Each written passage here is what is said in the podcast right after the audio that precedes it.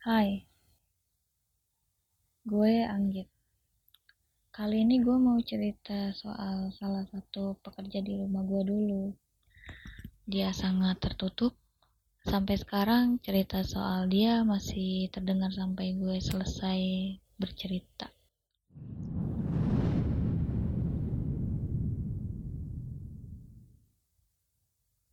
Gue memiliki latar belakang keluarga yang passionnya berdagang. Bokap gue dagang mainan. Beliau merintis jualannya sejak kami pindah rumah. Kalau dihitung sih sampai sekarang kira-kira 10 ya kira-kira 11 tahunan lah. Setiap minggu atau beberapa minggu sekali bokap dan nyokap nyempetin buat belanja stok ke pasar SMK Jakarta. Saking sibuknya, karena merasa nggak sempat ngurus rumah akhirnya nyokap memutuskan memperkerjakan tiga orang untuk bantu-bantu di rumah. Dua orang untuk handle penjualan dagangan bokap dan satu orang lain untuk bantu-bantu membereskan pekerjaan di rumah. Kayak nyuci baju, nyapu, dan lain-lain. Ya kalau bagian ini sih buat memperjelas latar belakang keluarga gue aja sih di tahun 2013 saat gue SMP kelas 3 uh, eh, di rumah kita punya mbak buat bantu-bantu beresin pekerjaan di rumah. Sebut aja namanya mbak Tria namanya gue samarin sih dan itu bukan nama aslinya dia. Mbak Tria uh, mulai kerja selama dua bulan. Umur mbak Tria saat itu kurang lebih 34 tahun lah. Dia udah berkeluarga dan punya dua orang anak laki-laki. Yang pertama berumur lima tahun dan si bungsu berumur 2 tahun. Singkat cerita selama dua bulan Mbak Tria kerja sejujurnya pekerjaan yang Mbak Tria lakukan jauh di luar ekspektasi nyokap. Kayak semisal nyetrika seragam sekolah gue misalnya nyokap bakal ngomong kayak gini licin setrikaan saya loh mbak daripada setrikaan situ. Seragam nyangit jangan lecek kayak gini dong mbak kata nyokap. Bisa licinan sedikit nggak? tambah nyokap. Ya setiap kali pekerjaan yang mbak Tria lakuin tuh selalu bikin nyokap kesel. Karena kerjaan yang dia lakuin tuh nggak sesuai sama kemauan nyokap for your information aja sih. Nyokap gue tuh rapi dan resik banget. Sampai sudut-sudut rumah tuh dia perhatiin banget.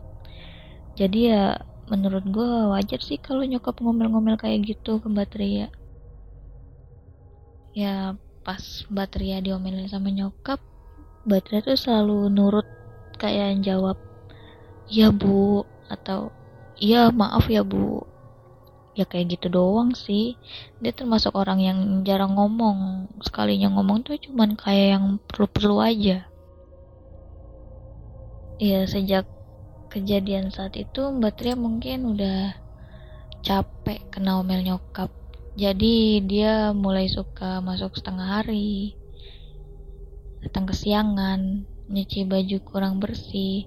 Saking kurang bersihnya gue sampai harus nyuci dua kali ya nyokap makin kesel lah karena mbaknya nggak ngelakuin pekerjaan yang ya kayaknya kayak main-main gitu. Dan setelah Mbak Tria melakukan kesalahan-kesalahannya itu Mbak Tria mulai gak masuk sampai satu minggu. Mbak Tria biasanya selalu izin sama nyokap buat ngambil cuti. Tapi kali ini dia tuh enggak Mbak Tria tuh nggak ada kabar sama sekali sempet kayak berniat datengin rumahnya. Karena saat itu Mbak Tria emang gak pegang HP sama sekali buat komunikasi sama kita. Tapi niat itu diurungkan oleh nyokap. Ya karena udah males aja mungkin sama si Mbak Tria seminggu udah lewat nyokap dari Mbak Tria datang ke rumah. Beliau nyampein kalau Mbak Tria udah gak bisa kerja lagi dengan alasan pengen jaga anak-anaknya di rumah nyokap gue bilang ke nyokapnya Mbak Tria iya nggak apa-apa bu. Harusnya dia ngomong aja sama saya juga nggak apa-apa. Jadi saya nggak punya pikiran negatif sama si Tria kata nyokap. Ya sejak saat itu Mbak Tria udah nggak pernah balik-balik lagi ke rumah ya karena dia udah nggak kerja lagi di rumah gue. Dua tahun kemudian gue udah kelas 2 SMA pukul 7 pagi gue udah nyokap pergi ke pasar yang gak tiap hari sih buat beli stok kebutuhan di rumah kayak belanja bahan makanan dan lain-lain. Gue sama nyokap jalan kaki lewat jalan pintas antar kampung. Sepanjang jalan gue cuma mendapatin rimbunan pohon bambu jalan batuan kali yang dialirin air dan berlumpur. Ya udah karena saat itu akses deket menuju pasar tuh cuma lewat situ. Ya mau gimana lagi supaya bisa cepat sampai kan. Nah, sepanjang jalan kita menuju ke pasar tuh gue dan nyokap ngelewatin rumahnya Mbak Tria. Tapi yang kami lihat gue cuman lihat anak-anaknya Mbak Tria aja lagi main di depan teras. Tapi gue nggak ngeliat ada Mbak Tria di sana. Pulang dari pasar gue malah ketemu ibunya dari Mbak Tria. Beliau nyapa kami berdua. Tapi yang gue lihat saat itu uh, wajah dari nyokapnya Mbak Tria tuh kayak sedih gitu. Senyum sih sambil nyapa tapi ya gitu. Kayak sedikit nahan nangis. Firasatku tuh kayak mulai aneh. Ini orang kenapa sih kok mukanya aneh banget nahan nangis tapi senyum. Siangnya pukul 12 siang gue bergegas untuk berangkat sekolah. Kebetulan jam sekolah gue itu jam siang dan gak biasanya gue itu mikir dua kali buat jalan menuju sekolah karena waktu itu ada dua pilihan. Yang pertama jalan pindah lewat kampung lewat pasar tadi atau lewat jalan raya sebenarnya sih kalau dipikir-pikir lebih enak lewat jalan pintas yang kampung itu sih. Karena selain adem juga lebih cepet dibanding gue harus gue harus lewat jalan raya. Ya walaupun jalanannya lebih bagus lewat jalan raya sih dibanding lewat jalan kampung. Nggak lama gue mikir-mikir jalan mana yang pengen gue ambil tiba-tiba di seberang rumah gue ada yang berteriak histeris sebut aja namanya Bang Romli Nah si Bang Romli ini tuh tiba-tiba dia lari terbirit-birit dari seberang rumahnya dia menuju rumah gue. Dia bilang sambil teriak-teriak, Ade, mama mana? Buruan mana? Waktu itu mukanya Bang Romli tuh pucat banget, kayak habis ngeliat hal yang seram. Gue langsung tanya dong ke si Bang Romli, kenapa sih Bang kayak habis ngeliat setan aja? Gue bilang gitu kan terus nyokap gue tiba-tiba ngampirin gue sama si Bang Romli ini di depan. Sambil bawa-bawa spatula gitu kan. Abis soalnya nyokap gue lagi masak di dapur. Ada apaan sih kayak abis ngeliat setan aja deh lo digituin kan sama nyokap. Bu itu loh. Ada yang gantung diri di belakang rumah saya. Astagfirullahaladzim nadanya Bang Romi itu bener-bener pelan banget waktu itu. Dan dengan agak bercanda gitu kan nyokap gue bilang alah lu gak usah ngawur deh. Ini gue lagi masak. Nggak ada orang gantung-gantung diri di situ siang-siang. Tadi pagi saya lihat juga nggak ada apa-apa kok.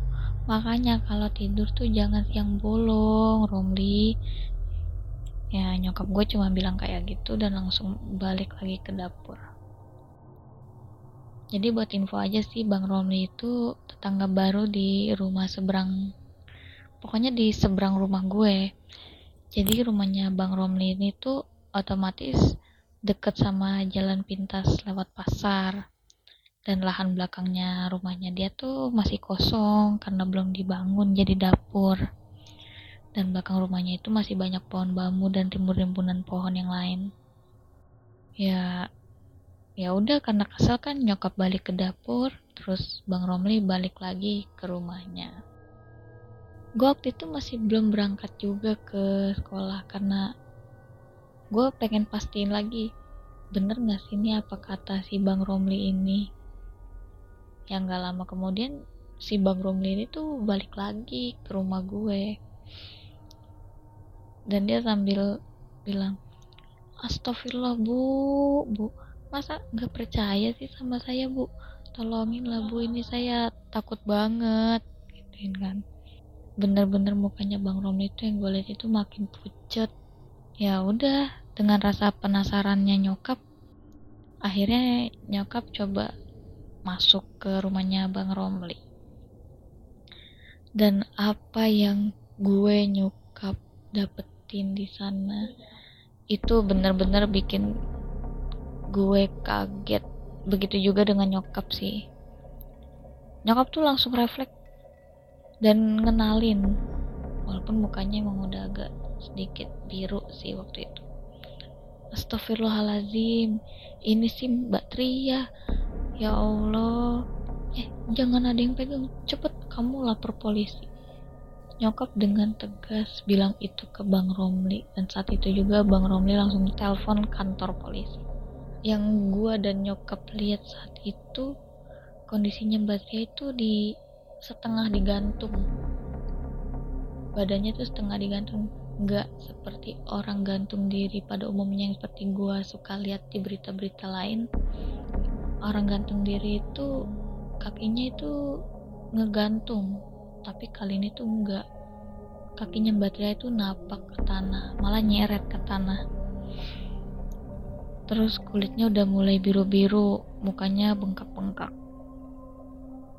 Bau darah amis ke mana-mana. Dan kondisi lehernya tuh kayak disayat senjata tajam mungkin kayak golok gitu. Golok itu kali ya. Matanya kebuka dan lidahnya tuh keluar dan dipenuhi dengan darah yang netes dari sana. Gue shock ngeliat itu dan hampir pengen pingsan.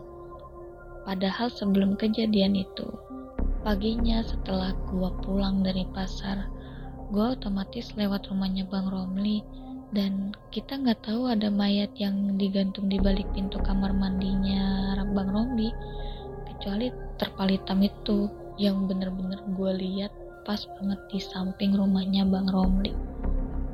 Dan terpal hitam yang gue maksud itu ternyata buat nutupin belakang atau punggung dari jasadnya Mbak Ria. Dan Bang Romli tuh sempat ngomong saya tuh nggak pernah naruhin terpal-terpal kayak ginian bu. Bikin sumpah ya dia ngomong kayak gitu di depan nyokap gue. Dan akhirnya setelah kejadian itu beritanya udah nyebar ke mana-mana dan jadi viral satu perumahan. Dan saat itu juga sempat masuk TV ya setelah kejadian itu akhirnya polisi dan tim forensik itu dateng ke rumahnya Bang Romli buat evakuasiin jasadnya Simba Tria.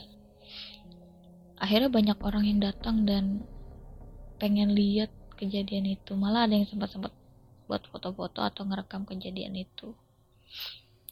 Ya setelah kejadian itu selama 40 40 hari lamanya. Satu blok rumah gue itu hening, sepi dan bener-bener beda banget. Dari sebelum kejadian itu sampai sekarang itu kayak beda banget. Saking sepinya itu tukang bakso atau abang-abang jualan yang biasanya lewat situ tuh kalau udah pas sampai depan rumah gua tiba-tiba mereka itu langsung puter balik. Saking takutnya kali ya gue sama nyokap sih santai.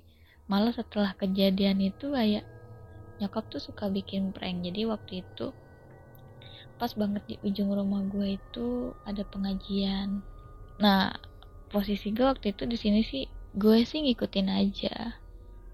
Terus pas isa pas setelah isa kira-kira jam setengah delapan malam nyokap tuh dia mulai ambil spray warna putih dan keluar rumah terus berdiri di depan rumahnya Bang Romli yang saat itu emang udah dikosongin. Kayaknya sih Bang Romli udah udah mulai takut kali ya dan dia udah mulai pindah rumah karena udah mungkin udah ngerasain hal yang aneh. Semenjak ada kejadian Batria gantung di kamar mandi di rumahnya tepat pukul ya setengah delapan jam delapan lah. Gue udah lupa sih jamnya jam berapa. Nyokap tuh udah mulai berdiri di seberang rumah. Nyokap berdiri dan ya udah gue dari seberang cuman ngawasin dia doang. Beberapa orang yang pulang dari setelah acara pengajian di ujung rumah itu ya mulai curiga gitu dan mulai pada ngeliatin nyokap ya nyokap gue ya aneh sih kejadian ini. Udah nggak penting lah yang inilah. Nyokap gue tuh barbar banget deh pokoknya setelah kejadian itu. Dan setelah kejadian itu juga banyak beberapa isu atau berita yang nggak jelas soal keluarganya Mbak Ria isunya Mbak Ria ini sempat katanya sempat hamil di luar nikah terus dia dinikahin sama laki-laki yang kaya di kampung itu kan. Dan umurnya tuh yang beda 10 tahun sama Mbak Tria. Sampai akhirnya Mbak Tria pengen cerai dengan alasan si suaminya ini selingkuh. Karena si suami nggak terima akhirnya suaminya Mbak Tria ngebunuh si Mbak Tria ini.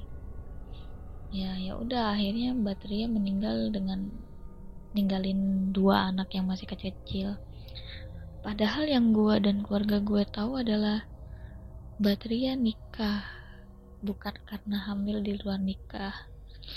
Batria itu cinta sama suaminya, tapi karena perselisihan antar saudara, ya gue nggak terlalu persis tahu lah ya. Ya akhirnya Batria dan suami mutusin untuk ya udah pisah aja deh karena mereka pikir itu yang terbaik walaupun dua-duanya itu masih sama-sama sayang gitu. Jadi setelah mereka cerai masih ada komunikasi yang baik lah malah sempet ada isu mereka pengen rujuk dan balikan lagi gitu kan setelah kejadian itu tuh setelah kejadian mereka pisah tuh nggak ada yang nyimpen dendam satu sama lain gitu. Malah ya tetap ada jalinan komunikasi dan hubungan baik buat anak-anak mereka gitu. Ya kayak gitu sih cerita yang gue sama nyokap dapet. Jauh dari cerita miring orang-orang yang gue denger dari orang lain atau nyokap denger. Soal kenapa Mbak Tria bisa dibunuh ya gue sama keluarga kurang tahu persis sih. Karena kata orang-orang yang tetanggan sama Mbak Tria dia ini termasuk orang yang ramah walaupun orang diem. Walaupun dia itu orangnya pendiam banget. Dan dia nggak pernah punya masalah sama orang lain tuh. Ya adem-adem ayam aja gitu di rumahnya. Dan gue yakin pembunuhnya itu bukan suaminya si Mbak Ria dan menurut itu nggak mungkin sih. Ya setelah kejadian itu gue akuin gue akuin banget. Emang banyak hal-hal aneh sih yang gue rasain. Malahan sampai sekarang gitu. Kayak suka ada yang mainin air di kamar mandi ada yang mandi pakai air kecil kayak ciprat-ciprat air doang. Tiba-tiba ada panci jatuh terus hawa kamar gue jadi lembab terus panas. Padahal di luar tuh lagi hujan gitu. Gue sering banget ngerasain hal itu. Terus suka ada bunyi-bunyi orang ketawa dari luar rumah. Dan yang terakhir tuh gue sering banget nyium-nyium bau melati setiap malam Jumat. Ya pokoknya macem-macem deh.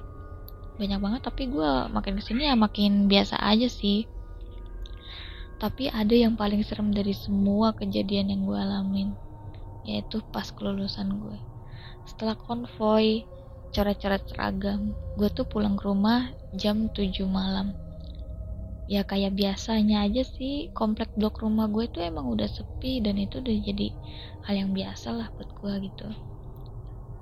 Uh, setelah acara itu ya gue diantar sama salah satu teman sekolah gue sampai rumah dan setelah teman gue itu pulang suasana, suasana rumah itu jadi sepi. Tiba-tiba tuh gue dengar ada orang yang nangis pas banget di rumahnya bang Romli. Nah itu suaranya itu kayak agak jauh deket jauh deket gitu loh. Kadang gue bisa denger jelas kadang gue bisa denger agak sedikit remang-remang. Ya kayak aneh deh itu yang nangis siapa sih? Bikin gue nggak tenang aja gitu tapi gue nggak ngomong langsung dan ngomong itu cuma batin gue ya udah setelah itu ya udahlah. Gue kayak seolah nggak denger apa-apa. Akhirnya gue mulai beres-beres kan. Mulai mandi sampai bersihin kasur.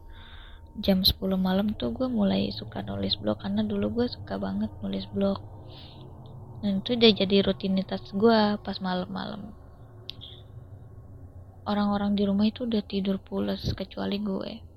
Gue masih asik nulis sambil sibuk browsing.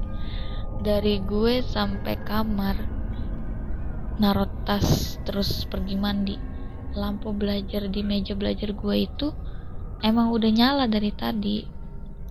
Nah karena kamar gue udah terang kan udah cukup terang lah dan gak usah perlu lagi lampu belajar.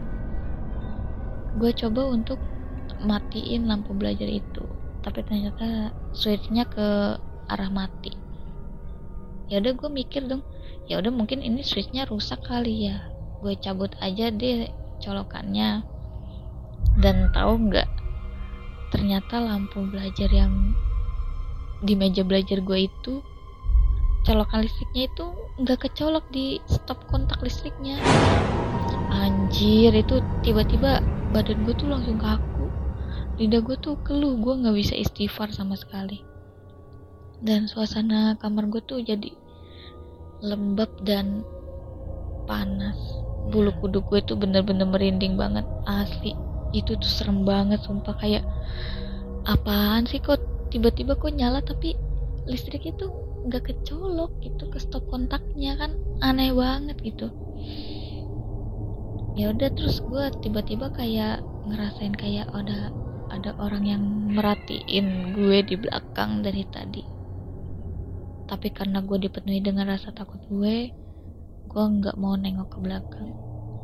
Tanpa lihat ke mana pun gue langsung pergi ke kamar gue menuju kamar nyokap.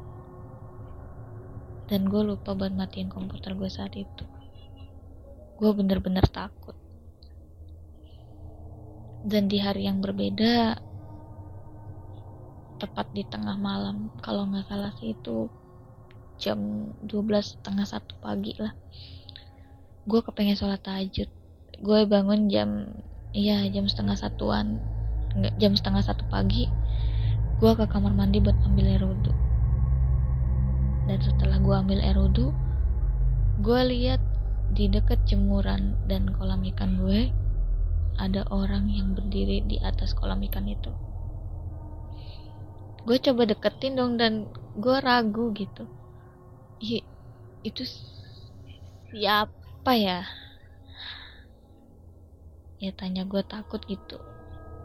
Tapi gue tetap beraniin diri buat maju jalan ke depan.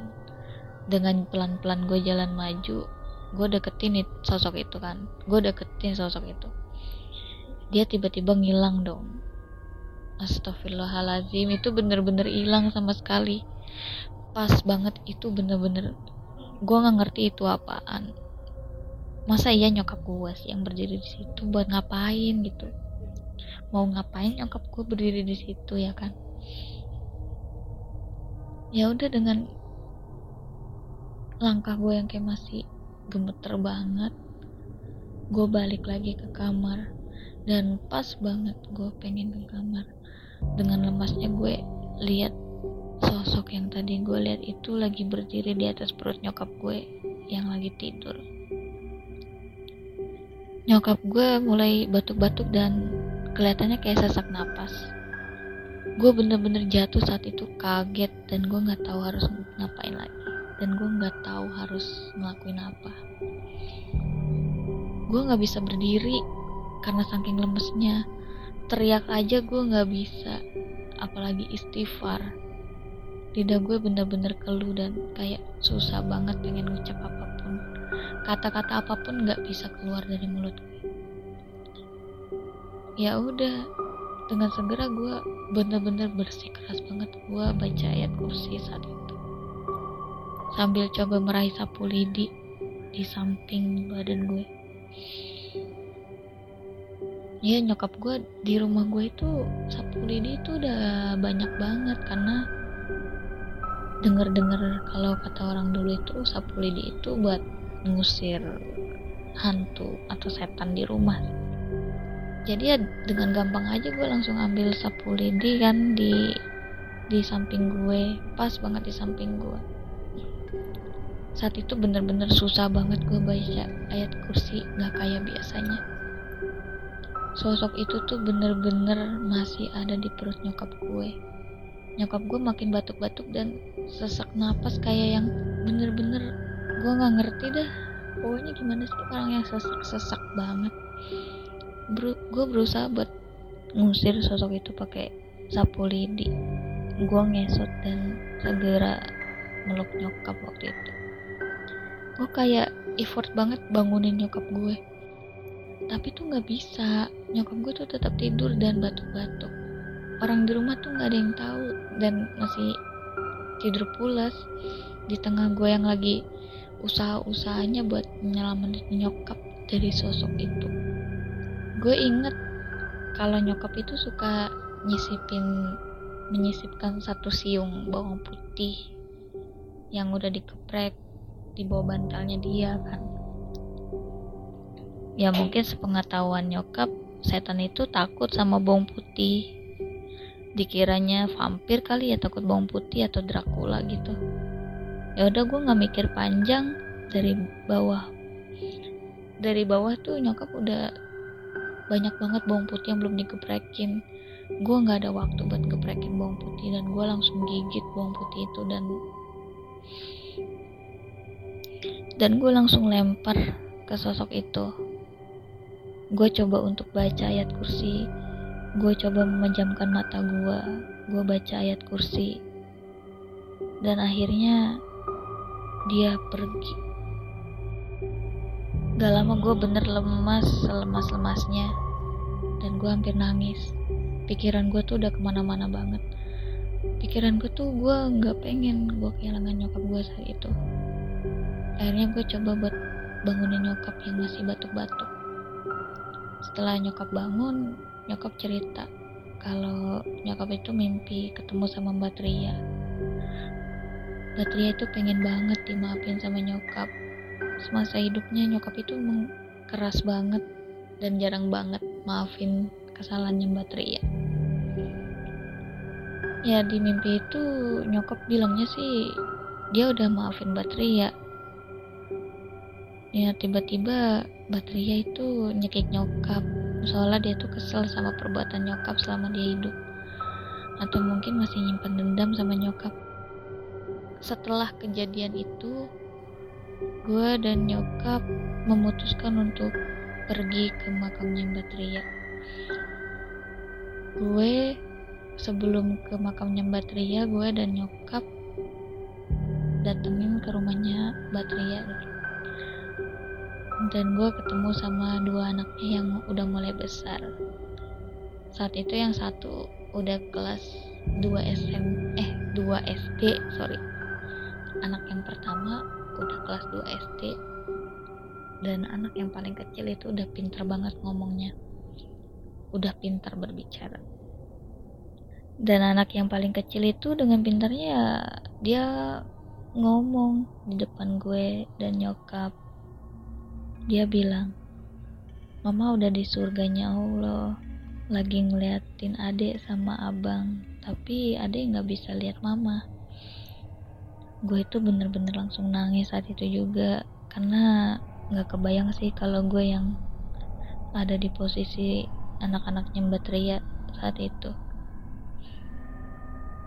Sampai akhirnya gue sampai ke makamnya Mbak Tria gue nyokap dan ditemani nyokapnya dari Mbak Tria kami bertiga mulai berdoa dan nyokap gue udah dan tangisan nyokap mulai pecah sambil beliau bilang dan mengelus-ngelus batu nisannya Mbak Tria.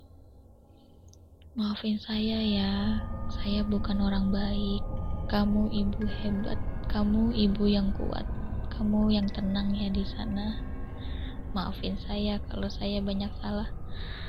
Bisa dibilang waktu itu nyokap berkali-kali bilang maaf di makamnya Mbak gue nggak bisa hitung sih berapa banyak kata maaf yang nyokap bilang waktu itu. Ya setelah kejadian itu sih nyokap mulai lega. Nyokap udah jarang banget digangguin hal-hal yang aneh kayak yang se ekstrim itu lagi. Ya yang walaupun sampai sekarang sih kadang setiap malam suka ngerasa ada yang lewat ada bunyi-bunyian di dapur. Suara ketawa sampai nangis pun masih bisa gue denger. Malah pas gue tidur suka ada yang bisik. Ayo bangun git. Sholat. Ayo bangun atau suara-suara yang kurang jelas lagi yang berusaha buat bangunin gue